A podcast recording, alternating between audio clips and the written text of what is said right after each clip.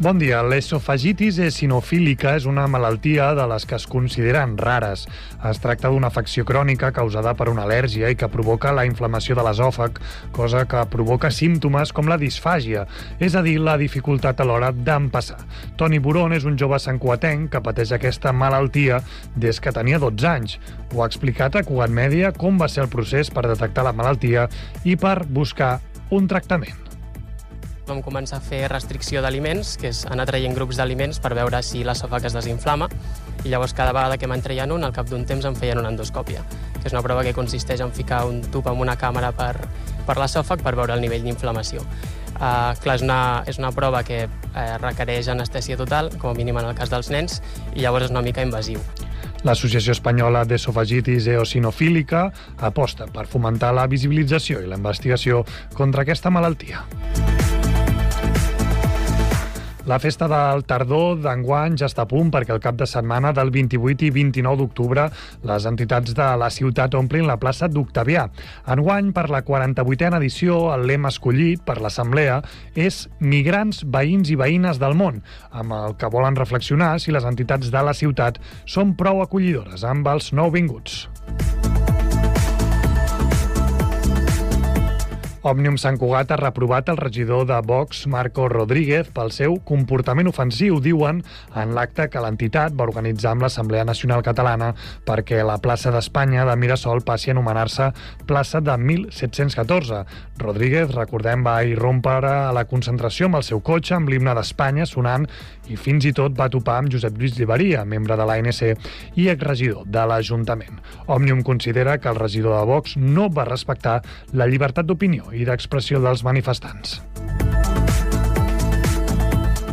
I la trobada de Trabucaires omplirà aquest dissabte la ciutat de pólvora i soroll amb una festa de cultura popular que se celebrarà a la plaça de l'1 d'octubre.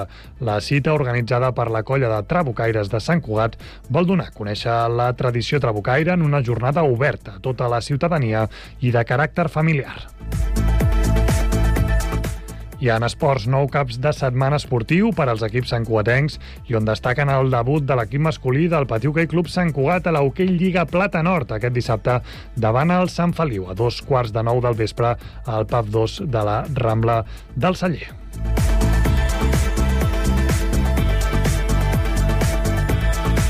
Cugat Mèdia, la informació de referència a Sant Cugat.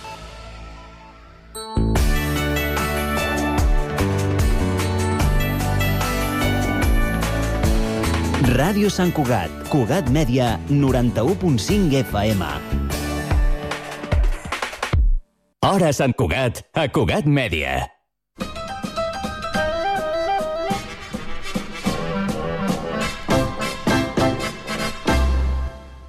Paquita, tu que t'assabentes de tot el que passa al poble? M'estàs dient xafardera? No, dona, no. I ara? No m'he expressat bé. Volia dir que tu que et preocupes per tothom, t'ha arribat algun comentari de l'Amadeu? Ui, cada dia, amb aquest caràcter que té, que no són, quan no són naps són cols. Ahir, sense anar més lluny, a la penya, per poc que no s'enganxa amb en Vicenç, i tot perquè va dir que la sacallona de Can Fornells era massa tova. És que com que la Tresina n'és l'encarregada... No, si jo ho entenc. A la que li toquen la Tresina salta com una gampa. Però tampoc n'hi ha per tant. Al cap i a la fi no la fa pas la Tresina, la sacallona. És que l'Amadeu no està molt de la Tresina. Prou, però crec que em fa un gra massa. Sempre van junts a tot arreu. Jo penso que això és bonic. Sí, però cansa. Només ha d'estar per ell. Ja el coneixes, l'Amadeu. És un marit dels d'abans, que es creu que anant a treballar ja ha complert. I la Tresina també treballa, i molt. I li toca portar la casa, i que la porta molt bé, eh? Em puc donar fe. Un dia s'atiparà de fer de reganxo i el deixarà plantat, com va fer la Prudència en en Manel. Dona, el cas de la Prudència era diferent. Oh, no sé en què. Un dia la Tresina es plantejarà la situació i li dirà passeu bé. Renoi, Paquita, tu tot ho tires pel barranc. Oportunitats no li faltaran, sense anar més lluny amb Marcel de Can Rebull. No diguis ximpleries. Bé que parlen tot sovint. Perquè són amics de fa molts anys. I entre tu i jo, Bona va en Marcel a l'Amadeu. Tu sembla, tu. No va pas a l'arada per aquest bancal. La Tresina i l'Amadeu estan molt units. Mmm, de més verdes en maduren. Mira, què et dic? I si arribés el cas, jo no em sorprendria gens. Ai, com ets, Paquita. La Tresina mai no li farà aquesta mala passada a l'Amadeu. Ah, I per què m'has preguntat si havia escoltat algun comentari de l'Amadeu? És que trobo que en Tòfol està com capficat. I com que som molt amics amb l'Amadeu, he pensat que potser... Podria molt ben ser. Fa uns dies que vam veure en Tòfol al bar d'en Ramonet parlant amb l'Amadeu. Dona, això no té cap importància. Tret de que és segur que va prendre un cafè i no en pot prendre perquè té la pressió alta. Ui, que és tard. Hem de fer una bona xerradeta, eh? Apa, adeu-siau, Paquita. Adeu, adeu. Si m'assabento d'alguna cosa ja t'ho diré. Sí, sí, gràcies. Adeu. La Paquita sap més del que m'ha dit que la conec. No sé, aquí hi ha alguna cosa que no gira rodó. Ves a saber si no ha estat la Paquita la que li ha inflat el cap en tòfol. Bon dia, Laieta. Hola, on vas a aquestes hores? Que no estàs treballant a la botiga? Vinc de portar-li l'encàrrec a l'Emília, que li fan molt de mal les cames, pobra dona. I aprofitaré per fer un cafè amb llet a la granja de la Roser. Au, va, que t'invito. Roser, dos cafès amb llet. Com està l'Amadeu? Bé, per què m'ho preguntes? No, per res. És que amb aquests virus que corren ara... Ah, no, no, no, es troba bé. El que passa és que com que ha de fer dieta per la pressió alta i el colesterol, per mi que de res s'enfila. I jo vaig de procurar aplacar-lo, no fos cas que patís una feridura.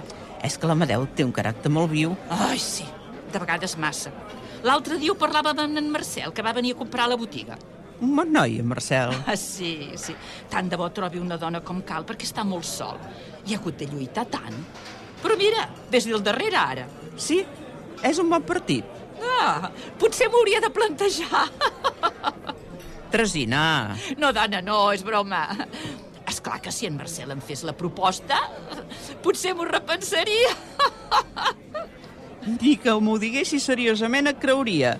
Si l'Amadeu i tu no podeu viure l'un sense l'altre. Ai, hem tingut les nostres coses, no et pensis. Ja m'ho suposo. Quantes vegades li he dit estic fins al capdamunt. Quantes vegades m'ha dit ell ja no t'aguanto més. Quantes vegades he pensat et vas equivocar, Tresina. Però a l'hora de la veritat, quan tot s'ha ensorrat, ell ha estat sempre al meu costat. En un matrimoni no tots són flors i violes. Oh, quan em vaig casar m'ho pensava, però la vida m'ha fet tocar de peus a terra. Tinc un marit poc detallista i rondent aire. Què hi vols fer? Sempre veu els inconvenients. És clar que de vegades ho encerta, eh? Però, si t'haig de ser sincera, el que de veritat trobo a faltar és una mica de llibertat. Però vosaltres us ho passeu molt bé, al grup de teatre. Pues clar que sí. Però m'agradaria tenir temps per aprendre música o per escriure. Saps que ratets he escrit un conte per criatures? L'home que volia anar a la lluna. M'agrada escriure. I no estaria de més que de tant en tant ell em digués Tresina, t'estimo. Perquè el que no sap demostrar el que sent, un bon dia es pot trobar que l'altre s'ha cansat d'esperar i d'aquí a partir peres hi va poc tros, eh? Ai, mira, m'ha anat bé que ens trobéssim. Necessitava buidar el pap. Aquestes coses no, no les puc explicar a tothom. Uh! Me'n torno a la botiga que el senyor Fornells deu estar maleint els ossos per trigar tant. Truca'm si vols que et guardi alguna cosa aquest divendres. Sí, a la tarda et faré un truc. Adeu. Avui la Teresina m'ha fet pensar en un ocell tancat dins d'una gàbia. I un ocell engaviat. Quan algú es deixa la porteta oberta, fuig volant i no torna. No sé què pensar.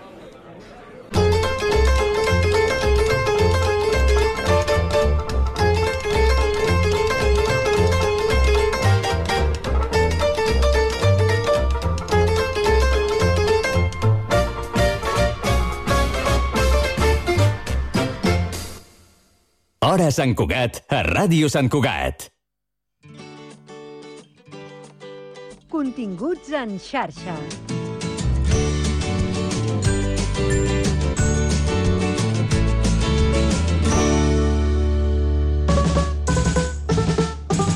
Propostes en xarxa. Procés de selecció laboral, un concurs de televisió que decideix si pots tenir fills o no. La conversa musical entre un clarinetista i un malabarista. La vida sense internet, una emprenedora que tira endavant una funerària al seu poble, la recerca de la felicitat, les migracions... Aquests són alguns dels temes que posen sobre la taula els espectacles del Festival Test. Fins a finals de novembre, la vuitena edició del Festival Test escampa per diversos pobles del Bages petits espectacles de proximitat. El seu nom ja ho indica, és el festival en xarxa d'arts intenses de prop i de curta durada. Requisits que comparteixen totes les propostes. Això sí, entre elles són ben diferents. De fet, la cita reuneix tots els llenguatges artístics. Hi trobareu música, dansa, teatre, circ, màgia, monòlegs, poesia... Espectacles breus que es representen en espais reduïts i poc convencionals. En altres paraules, gairebé sense distància entre públic i artistes, una experiència intensa i irrepetible. Encara sou a temps de gaudir-la a Sant Salvador de Guardiola, Sallent, Balsareny, Artés, Sant Feliu Sacerra o Cabrianes. Fins al 26 de novembre, vuitena edició del Festival Test a diversos municipis del Bages. En trobareu totes les propostes al web festivaltest.cat. Hora Sant Cugat, a Cugat Mèdia.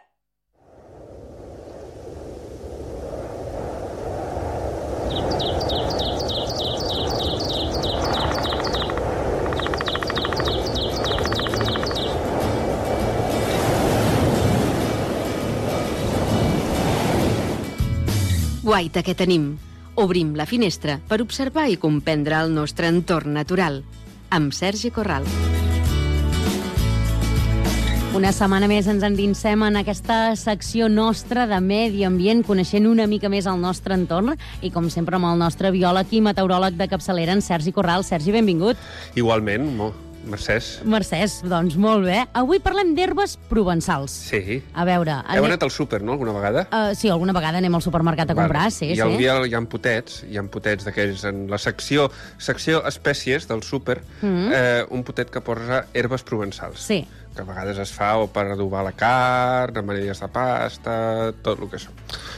Doncs pues bé, anem a parlar una miqueta d'aquestes herbes provençals, d'aquesta composició tan mediterrània, però des d'un punt de vista botànic, no pas gastronòmic. Qui són, què fan, per què serveixen, Exacte. no? Molt bé. Clar, mm, podríem fer una pregunta així a l'aire, una pregunta a l'aire, els, els i les oients, que què tenen en comú el romaní, la farigola, l'orenga, la menta o la sàlvia? Ui, no ho sé.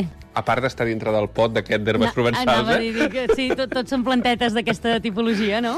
Doncs que totes elles, a part de ser plantes que emprem amb la cuina o remeieres, pertanyen a la família de les lamiàcies, una família que Mhm. abans, en botànica, se'n deia de les labiades, perquè com en altres àmbits de la ciència van canviant el nom constantment, el, es van reformulant.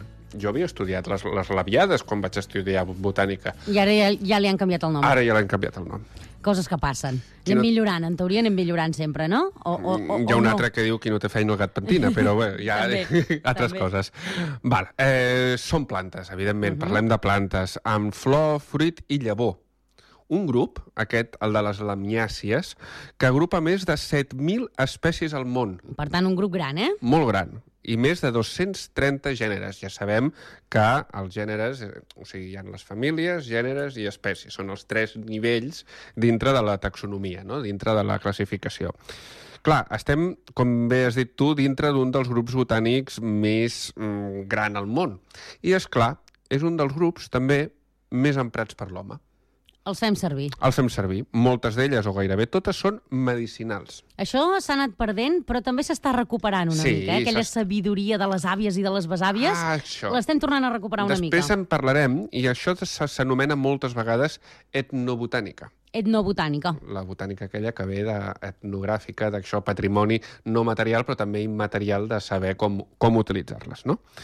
De fet, de fet, de fet, aquesta família fou descrita per primer cop l'any 1789. També té història, a part de ser gran, té història. Sí, la botànica ve de lluny, normalment. Sí. Els grans botànics els hem de trobar al segle XVII, XVIII, XIX, eh, pel botànic francès Anton Laurent de Jussier. Molt bé, aquest francès, Si fantàstic. hi ha algun francès que d'allò, que em perdoni. Eh, clar, hem dit abans que el seu nom original era el de l'Aviades. Sí. Ara t'explicaré el motiu per què es va canviar. Sí, perquè sempre trobem que els noms tenen relació, Sí, eh, per sí. certes coses que ja ens donen informació sobre les plantes Clar, concretes. però això no feia cap referència a cap dels gèneres d'aquesta família, sinó a la morfologia de les seves flors. Què vols dir? Que la morfologia de les seves flors semblen un llavi. Ah, i d'aquí l'aviades. I d'aquí labiades. Molt bé. Una flor que té cinc pètals, però fusionats amb una forma de tub. Mm. Una forma de tub, i a dalt es separen i queden tres eh, pètals, dos pètals a la part superior i cinc a la part inferior, però com un, com un tubet, eh? Les flors tenen forma de tub. Flor masculina i femenina al mateix temps, eh? Sí, sí. Eh, la flor també presenta cinc sèpals, i clar, posar-li el nom de la família per la forma de la flor podríem dir que era el recurs fàcil, però botànicament es veu que ara això no, no s'accepta. I per això li van canviar el nom. Clar, ja que per portar el nom de la família ha d'arribar d'un dels seus gèneres. Van agafar un dels gèneres de la família, eh, van, s'ho van jugar a sorts, allò que van dir titiri-tiri, I eh, va sortir... l'amium. Molt bé. I aquí li van posar el gènere de les lamiàcies. A nivell d'Europa també és una família molt distribuïda, eh? a nivell d'Europa, la península, països catalans, i aquí, a Catalunya, en trobem representats 27 gèneres diferents d'aquests 230 que hi havien al món mundial. Per tant, eh, és una petita part, però, però alhora no tan petita. No, no, déu nhi I amb plantes que van des de l'alta muntanya i a l'estatge alpí, és a dir, superiors, alçades superiors als 2.000-2.200 metres, Mm. fins a les dunes, fins a ran de mar, eh? Està per tots Aquí, els nivells. a nivell zero també en tenim. A nivell zero també en tenim. No en tenim a dintre mar, perquè si ens n'anéssim a la banda de les gramínies o les poàcies o dintre d'aquest grup, és on entren, per exemple, la posidònia, la zoostera, Mhm. la cimodocea, que aquestes viuen a dintre mar. De l'aviades encara no. Encara no. no Encara els no. llavis no han arribat a mar. No han evolucionat. Eh, totes elles presenten diversos... Això és important, eh? Divers, presenten diversos tipus d'olis essencials, Mm. Alcohols, terpens, àcids fenòlics, flavonoides, etc. Això són substàncies que produeix la planta, que segrega la planta del seu interior, no? I és el que fa ser que un medicament tingui alguna funcionalitat, no? Sí, les fan ser antisèptiques, les fan ser insecticides, perquè moltes d'aquestes substàncies eviten que els insectes hi vagin, excepte aquells que han de polinitzar, Val. per simple també estratègia evolutiva de la planta, no? I propietats valorades a la cuina i a la cosmètica. A, a les dues bandes, eh? A les dues bandes. També n'hi ha que es fan servir de la banda cosmètica. I ja en parlarem. En àmbit farmacèutic i medicinal, sovint se'n fan infusions, ungüents, i són molt emprades, precisament per aquests alcohols, per aquests Mhm. fenols, en malalties respiratòries. Per tant, ens ajuden a respirar millor. A part de ser antisèptiques, o sigui, desinfectants, és com si haguéssim bronquiodilatadores, o sigui, que dilaten els vasos respiratoris. Eh, molts d'aquests tractaments provenen de la cultura popular, com deia aban- abans, Sí. de l'etnobotànica i les antigues remeieres. Exacte, allò que dèiem que havia desaparegut però que s'està recuperant, eh? Que Sí. cada cop més. Abans en deien bruixes, però no, eren remeieres. Sí. Remeieres. ha anat evolucionant també el Ha anat concepte, eh? Hi ha un museu molt xulo, molt xulo, molt xulo d'això de les remeieres que està a Tuixent.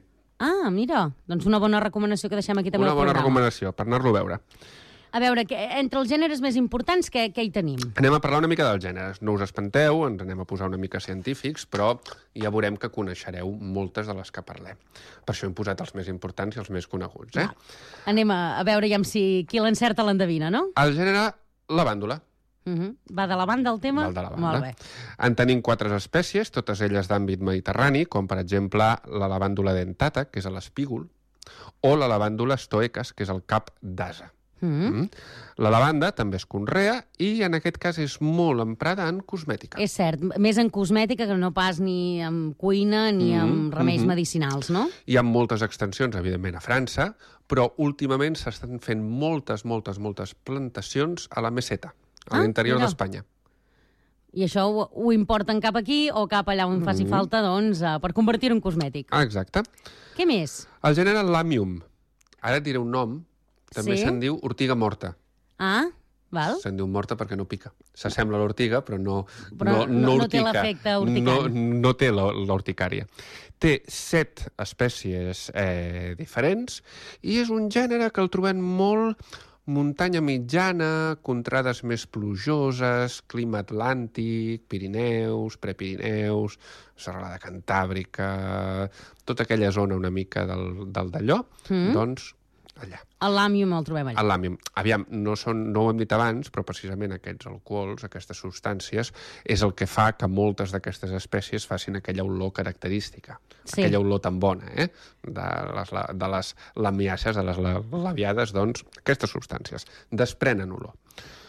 La, un altre gènere, va. La melissa. Aquesta ja ens sona més. Sí, coneguda com a melissa o tarongina. Mm -hmm. Només hi ha una espècie, la Melissa officinalis. Quan veiem un cognom científic de la planta que Sí. es diu officinalis, és que o normalment s'ha fet servir per medicina, per terapèutica o per menjar també, o sigui... Però normalment officinalis mm, fa referència a planta medicinal. A que té, doncs, a, a la seva destinació cap a Mm. remei mèdic, no? Exacte. Tal com passava amb l'anterior cas, viuen contrades plujoses i de muntanya.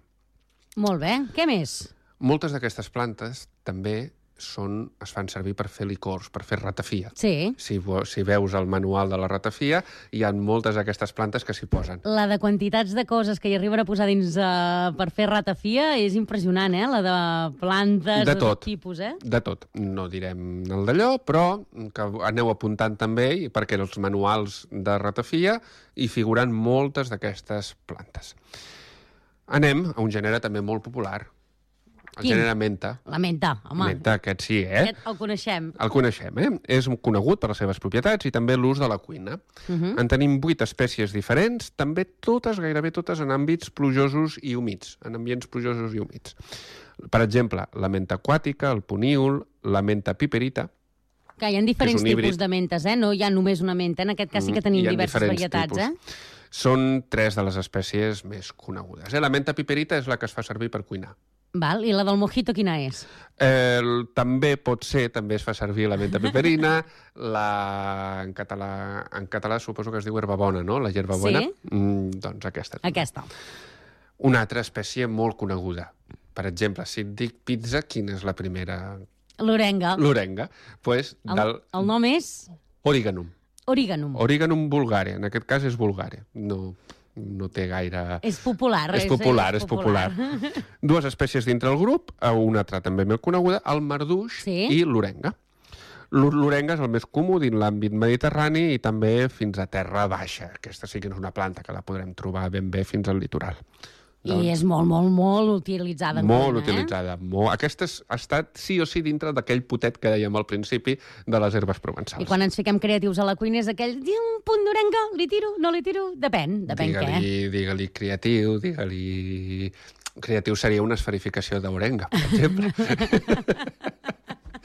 No, però vull dir que és, és aquella espècie que sí, sempre sí, tenim que a l'abast. sempre, sempre va bé posar-li. Què Una més? altra espècie d'aquelles que s'hi posa molt, per exemple, els rostits.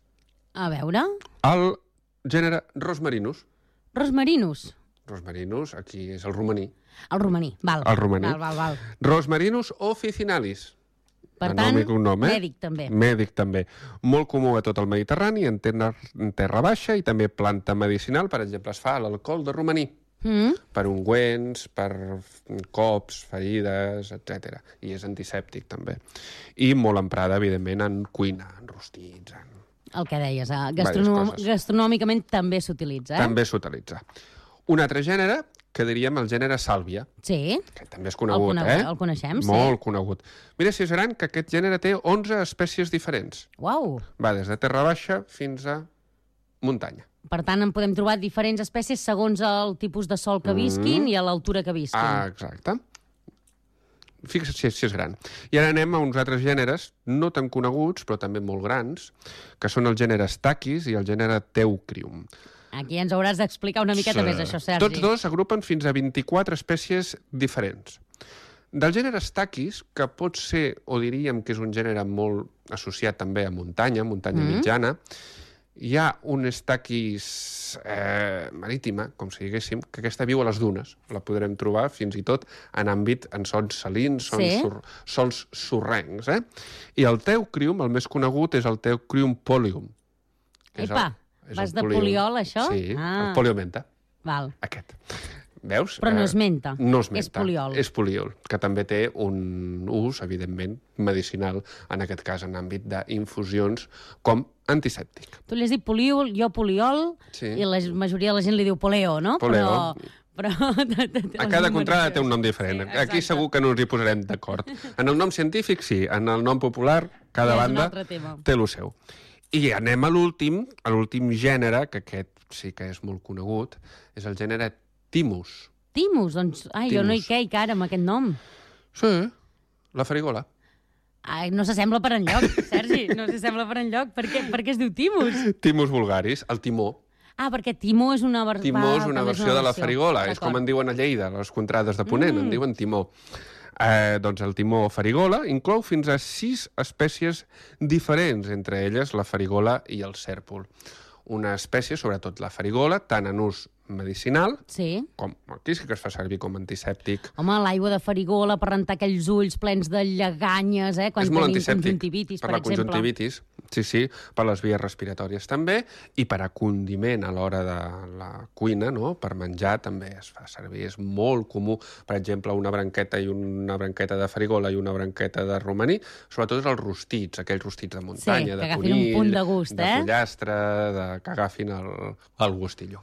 M'ha agradat moltíssim perquè realment avui n'hem fet un repàs molt ràpid perquè tenim el temps que tenim, Sergi, però estic totalment d'acord a tornar a, a entendre i a aprendre, a reaprendre tota aquesta gran sabidoria que sabien els nostres abans passats, que l'hem anat perdent i nosaltres ho hem substituït en pastilles, no?, Mm. diguéssim. No, I en aquest recuperar. cas hi ha remeis que està demostradíssim que són molt més eficients i que per alguna cosa ho feien, no ho feien perquè sí, ho feien perquè ho tenien estudiat, Clar. que això funcionava. Clar, ho tenien estudiat, però també això es coneix anant al camp i anant a passejar i sortint de les pantalletes, que sempre diem. O sigui, mm, hi ha una web molt bona, molt bona, I on m'he eh? documentat, i aplicacions, que es diu, per exemple, la web, la de Flora Ca catalana, Mm. que allà és un catàleg amplíssim amb molta gent, projectes de ciència, de ciència ciutadana també, sobretot a la flora dels països catalans. Doncs la recomanem. Aneu-hi. I una aplicació del mòbil, si no, perquè us ajudi a identificar les plantes quan aneu al camp, que és plan.net. Aquesta aplicació, i feu una foto, la poseu a l'aplicació i l'aplicació us reconeix de quina planta es tracta. I això està molt bé perquè ja sabeu també que ens podem trobar en plantes molt perilloses, Sergi. Tòxiques. Malauradament, doncs, eh, coneixem morts, no?, Mhm. de, que Mhm. s'han volgut anar a menjar el que no tocava. Per tant, també és important estar informats i ja si hem de fer servir la tecnologia, si més no en fem un bonus. Evidentment. No? Doncs avui ens hem posat aquí com les nostres àvies remeieres, Sí. parlant d'aquestes herbes provençals, que avui les hem conegut una mica més i ja sabeu que sempre és superinteressant doncs, anar coneixent una mica més el nostre entorn, que bona falta ens fa, que està molt Oh, i molt bé connectar amb tot el que ens envolta. Sergi Corral, biòleg, meteoròleg, moltíssimes gràcies i ens retrobem ben aviat. A tu, fins aviat, que vagi molt bé.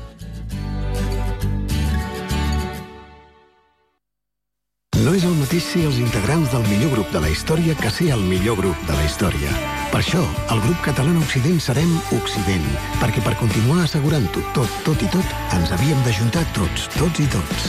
Entra a seremoccident.cat. L'Associació Amants del Teatre i Ràdio Sant Cugat Cugat Mèdia t'apropen grans obres de la literatura a través de la Uida. Ivan Ivanovic es treu una nota de la butxaca i la llegeix. Una bola de cristall per al llum, una lliura d'embotits, cinc còpecs del clavell d'espècie... socials de l'afer, però juro solemnament que no he tacat el nom del 30, meu marit. 40, 50, 60. Aquí té els seus diners. Ara, on m'he de posar? Radioteatre amb obres de Mercè Rodoreda, Pere Caldés, Robert Robert o Anton Chekhov. Al 91.5 FM i a www.cugat.cat.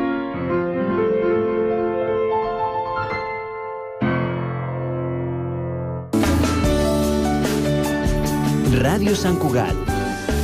91.5 FM. Som terra, Periodisme slow per entendre i estimar el primer sector.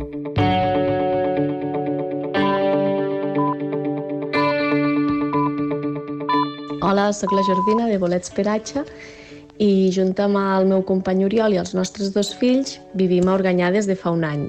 Uh, som barcelonins, però vam optar per fer un canvi de vida i volíem viure al poble de la meva família materna, que és Organyà, a l'Alt Urgell. A l'hora de pensar en què treballaria quan, quan vinguéssim a viure aquí, doncs la idea principal era poder-me dedicar al sector primari mentre que el meu company continuava uh, fent traduccions i sent professor de català. Però jo tenia molt clar que això, que volia treure'm una espineta que feia temps que tenia, que era treballar en el sector primari. Volia ser pagesa. I, i bueno, al principi volia fer, tenir ovelles i fer formatges i em vaig formar una mica en aquest camp, però després vaig veure, quan va arribar el nostre primer fill, que era molt difícil poder-ho compaginar tot. Llavors vaig estar pensant en el que havia estudiat, jo havia fet biologia i amb algunes amigues havíem parlat de l'opció de cultivar miceli per, tenir, per obtenir bolets i vaig veure que aquella era la millor opció possible en les meves circumstàncies actuals. I això és el que hem estat muntant fins ara i, i bé, alhora també en els últims 10 anys havia treballat en l'àmbit de la recerca en les llengües de signes i la sordesa i també no volia deixar això enrere, no? Així que ho he barrejat tot i d'això n'ha sorgit Bolets Peratge, que el que vol també, a part de um, poder produir gírgoles ecològiques, és um, poder crear un entorn laboral inclusiu per a persones sordes. Uh, hem optat per les gírgoles perquè ens sembla un bolet autòcton que té un gust uh, i una textura doncs, que són molt, molt suaus i alhora doncs, això els fa que puguin compaginar bé en múltiples plats i la fa molt versàtil realment. A més a més, té les seves diverses mides també fa que puguem jugar molt amb, amb la gírgola a la cuina. I, a més a més, doncs, sí que apostem per una agricultura ecològica perquè creiem que, que és imprescindible no utilitzar pesticides, tant per l'entorn com per les persones, però a més a més mm, el que volem és fer un cultiu sostenible i per tant l'energia que necessitem per això, per, fer, per produir el miceli, eh, la utilitzem solar i Bé, i estem fent algunes, alguns experiments per poder utilitzar menys plàstic en, en aquest cultiu i també per fer una distribució almenys mm, costosa ambientalment possible. Ah, doncs bé, esperem que les gírgoles de bolets peratge us encantin i ens veiem aviat per aquí a l'Urgell. Una abraçada.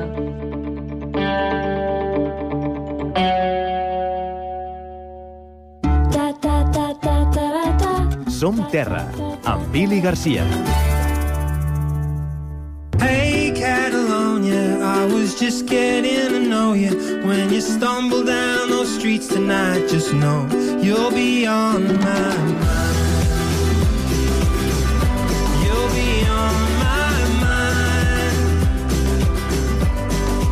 La girgola és un bolet autòcton molt versàtil a la cuina, carnós i de gust suau, és ideal com a acompanyament, però també com a ingredient principal. La Jordina Sánchez Amat ho sabia i també que de bolets ecològics n'hi havia poca oferta, així que va decidir engegar una empresa de cultiu de gírgoles ecològiques a Orgonyà, d'on és originària la seva família materna.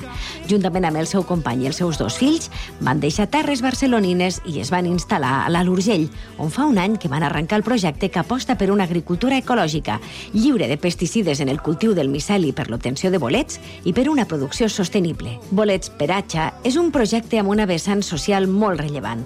Els bolets no són l'única passió de la Jordina. Havia treballat en l'àmbit de la recerca de la llengua de signes i la sordesa a la universitat i no volia deixar-ho enrere, així que va decidir combinar-ho tot i crear un entorn laboral inclusiu per a persones sordes. Avui hem conegut la Jordina Sánchez Amat de Bolets Peratge. Però també parlarem de l'ou, en el marc del Dia Mundial que se celebra el segon divendres d'octubre.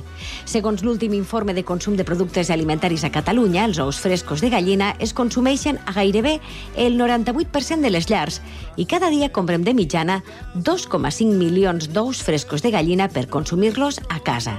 Per donar resposta a aquesta demanda, els productors mantenen una producció constant d'ous, el que implica classificar, envasar i etiquetar també de manera ininterrompuda. L'ou és un aliment únic i també ho és la manera com es prepara per la seva venda al detall. Parlem de la traçabilitat de l'ou, però també de com està el sector productiu, de com li estan afectant l'augment de costos i també de com pot afectar-li la nova normativa de benestar animal europea. Tot això ho conversem amb l'Anna Toda, és la directora de la Federació Avícola Catalana. Hey Catalonia, I can hear you cross the ocean. All the stories that we left behind, I trust you're my alibi. Just getting to know you. When you stumble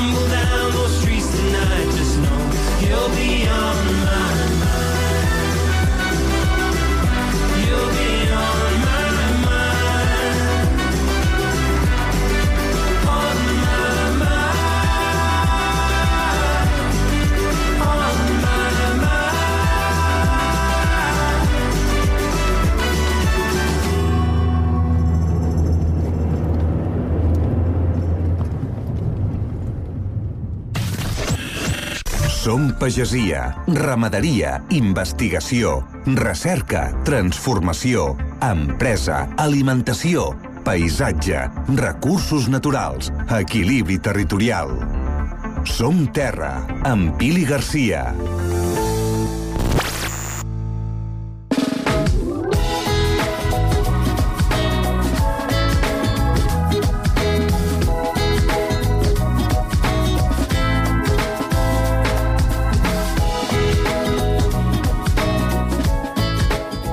Toda, directora de la Federació Avícola Catalana, molt benvinguda. Com va tot plegat? Tot bé? Molt bé, moltes gràcies per, per convidar així a parlar una estona amb vosaltres sobre l'ou. Avui ho fem en el marc d'aquest Dia Mundial de l'Ou que se celebra el segon divendres d'octubre. Ho dic bé, oi? Sí, és així. És la, és, ja fa 27 anys que se celebra aquest dia, que bàsicament eh, és eh, que celebrem de que tenim a l'abast aquest producte tan fantàstic. Doncs aprofitem per poder parlar de, de l'ou, del consum, um, però també de, de qüestions de, de producció, de costos, etc. Fem una mica de balanç de com està el sector. Comencem, Molt si li sembli, parlant doncs, això de, del consum. Quants ous consumim a Catalunya? Aviam, el que tenim eh, és eh, els ous que consumim a casa, eh? perquè el consum d'ous no és només el que comprem i fem a casa, sinó que mengem també restauració molt, a, a pastisseria i aquestes coses. Però dintre dels que comprem per fer menjar a casa, i amb així estem eh, al voltant dels 130 ous per persona i any. El que representa que aquí a Catalunya vam menjar, ho he de mirar això, 76,3 milions de dotzenes. A l'any, Sí, molts Déu-n'hi-do, ous. molts ous. molts ous, Sí, Déu-n'hi-do. però, però podríem menjar-ne més, eh? Um, es mantenen les dades mm, respecte a altres anys, més o menys? Aviam, aquí el que passa és que a l'any eh, de, la, de la pandèmia vam tenir una pujada enorme. Clar. Clar, no hi havia restauració, tot el que és la, el menjar d'escoles, hospitals, i tot això uh -huh. va passar al menjar de casa. Uh -huh. I la gent va començar a fer pastissos i perquè estàvem tots avorrits i, i llavors va pujar molt el consum. I ara podríem dir que s'està estabilitzant una altra vegada i a poc a poc esperem que vagi pujant. Uh -huh. Deies que encara en podríem consumir més. Um, fins a quan diuen els nutricionistes que podem menjar ous amb una dieta adequada i normalitzada mediterrània? Aviam, els nutricionistes el que fan és ser, ser, ser prudents perquè està clar que no es tracta d'un aliment en concret, sinó que sempre parlen dintre d'una dieta equilibrada. El que sí que donen com a... allò dir, bueno, perquè al final s'ha de donar una, una xifra que es pot menjar tranquil·lament els 6, 7, 8 ous a la setmana, però una persona podríem dir mm, estàndard. Això uh -huh. vol dir que no és un nen, que no és una persona gran, que no és un esportista, perquè sempre cal anar a mirar les circumstàncies personals de, de cadascú. Si és una persona malalta, no pot tenir la mateixa dieta que un, un noi de 20 anys que fa esport. Uh -huh, clar. Però de forma general, els 17 ous a la setmana, tranquil·lament. Anna, volem aprofitar i, que ens facis una mica de divulgació de la traçabilitat, que és tot allò d'aquells números, no? Aquella, aquell munt sí. de llista de, númer, de, de, de números que hi ha a cada un dels ous, no? I allò uh -huh. eh, no és una matrícula, allò és una informació que, si la sabem interpretar, podem saber moltes coses d'aquell ou.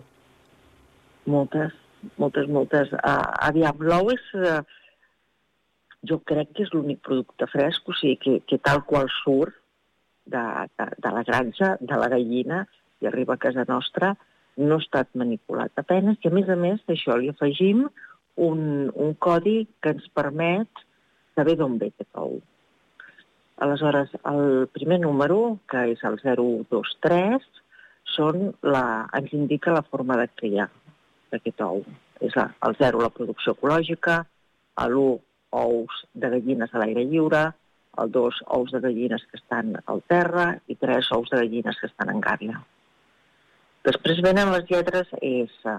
ES aquí a l'estat espanyol, és el, el país on s'ha fet. Uh -huh.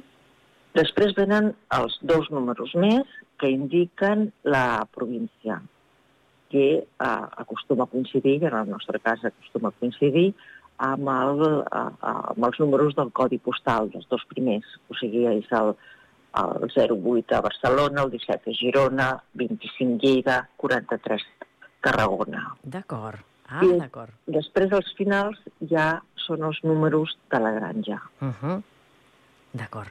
Aleshores, el que nosaltres sempre diem és, aviam, tenim un producte molt bon, un producte fresc, que pot ser de proximitat. Uh -huh. De proximitat vol dir que si tu agafes l'ou i veus que té un d'aquests uh, números que hem dit, doncs saps que està fet a una granja a Catalunya. D'acord, si veiem el 25 08 17 o 43 és qualsevol de les províncies catalanes. Molt bé, doncs Exacte. ho mirarem. Mira, clar, com a mínim ara ja sabem interpretar els números, eh? I, i, i una pregunta de logística. Els ous de, dins de la nevera o no? Els ous a la nevera. Els ous a la nevera, sí. sí. D'acord. Amb, amb l'envàs de cartró o fora de l'envàs de cartró? Aviam, el millor és ficar-los a l'envàs de cartró. En primer lloc, si els fiques a l'envàs, ja no els fiques a la porta. Que a la porta, tirant aquelles oueres que porten les neveres, mm però que, que no és convenient. Bàsicament, la, la porta és el lloc amb més moviment, per tant, sacseges un producte fresc i bé, no li va. I després també, si el tens a dintre del cartró, pots saber sempre la data de consum preferent, perquè això ha d'estar a l'etiqueta. Uh -huh. I llavors pots tenir més referències que no pas si ho treus. D'acord, sí, sí, a la nevera. Bé, volem parlar ara, si li sembla, una mica de, de com està el sector, eh? més enllà de parlar de l'ou i d'aquesta sí. divulgació sobre etiquetatge, la traçabilitat, etc. Com està el sector, perquè el que sí que hem notat els consumidors, sobretot amb aquesta pujada gran de la inflació en general, és que l'augment del cost dels ous també ha anat pujant. Uh, això ha repercutit als productors i productores o no?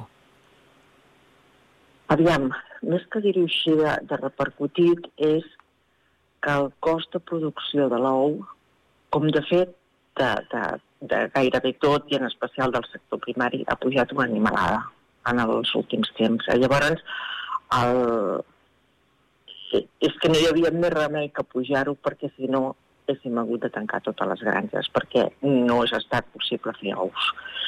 Pensem que eh, a la producció d'ous el, el pinso pot ser el 65 o el 70% dels costos. El pinso? I aquest pinso, uh -huh. sí, el pinso de les gallines, si aquest pinso et puja en dos anys un 60%, és que no tens més remei que això fer-ho anar endavant de la cadena fins a arribar al consumidor.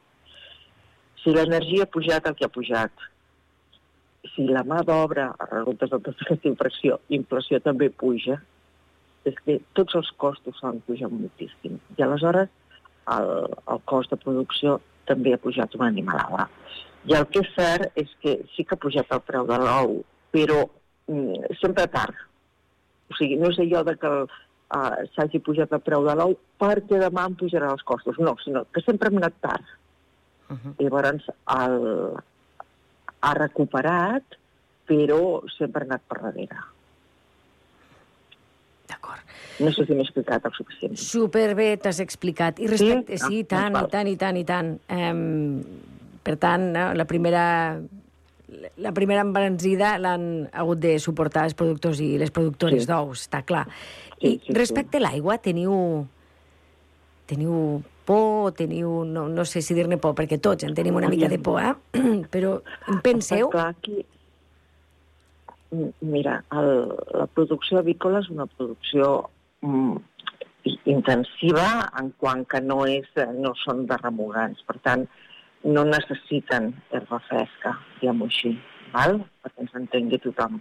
Uh, però sí que és cert que cal aigua, cal aigua. Les gallines, per suposat, beuen i després cal mantenir la, la neteja de, de les granges però sí que és també una producció molt tecnificada, molt professional. Aleshores, ja fa molt de temps que sempre que es necessita l'aigua per netejar, el que es fa és amb aigua a pressió i s'intenta eh, optimitzar al màxim. Això no treu de que hi hagi una certa preocupació. Uh -huh. I també és cert de que a, a, a, nivell macro, home, tot el que afecta al, a, al sector primari afecta també al, al, sector avícola. Clar. Això per suposat. Per tant, està clar que la sequera afectarà els conreus i els conreus afectaran al pinso Sí. i el pinso ja s'ha pujat un 60% i a Exactament. veurem com acaba pujant tot plegat, no? I, I respecte a les altes temperatures, perquè això sí que mm, aquest estiu hem tingut molta calor, continuem tenint calor. Sí. Uh, Sí. Això sí que afecta molt a les granges, oi? Afecta, afecta especialment, bueno, les que tenen les... Bueno, afecten a totes, tothom, això sí. suposat. Una, si són gallines que no surten fora i llavors tenen la, la, la, la calefacció i la ventilació controlada, està clar que suposa una despesa energètica molt més alta i, a part, les gallines són éssers vius i, com fem nosaltres també, quan tenim molta calor, bevem més i no mengem tant. Si no es menja tant, està clar que la producció baixa. Uh -huh. Parli'ns també de perspectives de, de futur, de, de també la Unió Europea, que vol legislar mm, sobre també la, el benestar animal, no? eh, d'una manera Sí. molt més exhaustiva, i això podria repercutir al, al sector avícola. Sí, la, bueno, la Unió Europea, la Comissió Europea, ja fa temps de que té, de, de que té com a objectiu una millora genèrica eh, del benestar animal a totes les fases de la cadena, o sigui, a les granges, al transport, en el sacrifici... Bueno, i crec que això ha de ser compartit per tothom, o sigui, tothom volem que els animals estiguin quan millor possible. El que ara amb tota la, la política l'estratègia que té de la granja a, a la taula ha suposat una acceleració. Aleshores sí que ja eh, tenen previst, entre altres coses, una prohibició de, de les gàbies. No només en gallines, sinó en altres animals que ja sigui al llarg de tota la seva vida o eh, en alguna fase passen per gàbies. I llavors això afectaria a, a les ponedores, que encara n'hi ha moltes que aquí ja estan criant en gàbies. El problema està en què venim, home, no fa tant de temps i es va fer un canvi important en, en les gàbies que es van, van haver de substituir per incorporar moltes millores i, i menys densitat i moltes d'aquestes inversions encara estan en fase d'amortització. I després també cal pensar en tots els derivats de fer un canvi com aquest, de treure les gàbies, si es volgués fer de forma molt precipitada. Llavors aquí el sector que tothom està dient és, aviam, veiem que, que sí que ho hem de fer-ho, però ho hem de fer amb molt de seny i amb uns períodes de transició molt llargs. Amb molt de seny, perquè no ens interessa que plegui cap granger més, volem seguir mantenint la nostra producció d'ous i després volem també seguir oferint un producte d'una alta qualitat i a un preu assequible. I per aconseguir-ho tot és molt difícil, però cal, cal rumiar-ho, cal fer les coses bé i, i amb una transició adequada. Uh -huh. doncs li volia preguntar, precisament amb tot això, si hi ha relleu generacional en el món de les granges, diguéssim, de, de, de, de gallines. De... Hi ha relleu o teniu dificultats també, com la resta de sector primari i ramader? Ara, jo diria que hi ha de tot, però, però aquest és un repte que té el sector, sí. I a més ho, ho estem veient, de que granges de mida uh, petita doncs van, van plegant, bàsicament perquè cada cop és més difícil produir. Cada cop hi ha més, uh, més controls, més burocràcia, més... Uh, que, que ja està bé, eh? perquè hem de produir molt bé i de forma sostenible, però també llavors és més difícil. Uh -huh i aleshores doncs, la gent plega abans d'hora, de vegades, perquè diuen, bueno, escolta, tampoc no, no em val la pena tan mal de cap, i el relleu generacional és un repte que té, que moltes, això, de granges de mida petita estan plegant. I la, la cria ecològica, cada vegada hi ha més demanda del mercat d'ous ecològics?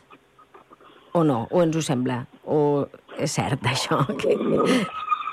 Aviam, Uh, no no, no t'ho sé dir, no t'ho sé dir, perquè és cert que els preus ecològics, ai, els ous ecològics tenen un preu molt superior, uh, perquè s'ho mereix, eh? perquè uh -huh. també la, la producció ecològica té uns costos afegits molt elevats.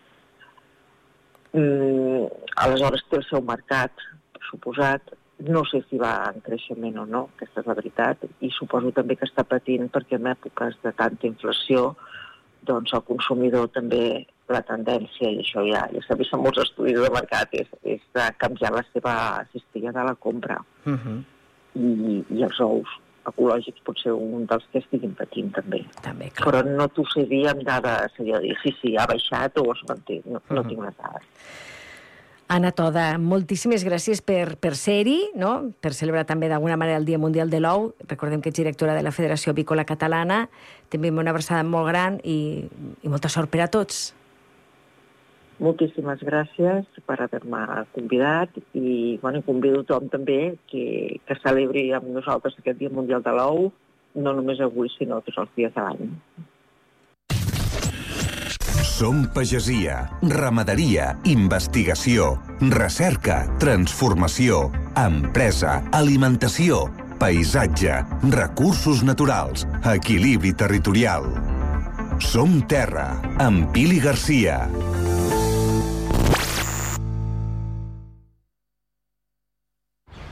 Estàs pensant en posar plaques solars a casa teva? Doncs passa't a l'energia solar de manera fàcil i segura amb la teulada, experts en energia solar i el nou espai d'assessorament per a la ciutadania i les empreses. Informa't a la teulada arroba amb.cat o contacta'ns per WhatsApp al 645 725 465. La teulada és un servei de l'AMB finançat amb el Fons Europeu de Desenvolupament Regional. AMB, Metròpolis de Barcelona. Cada cap de setmana ens posem en joc. Futbol, bàsquet, hoquei patins, handbol, waterpolo... Una temporada diferent amb la màxima intensitat.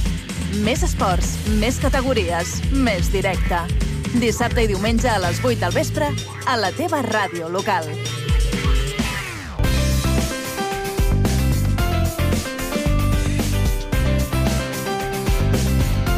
Ràdio Sant Cugat, 91.5 FM.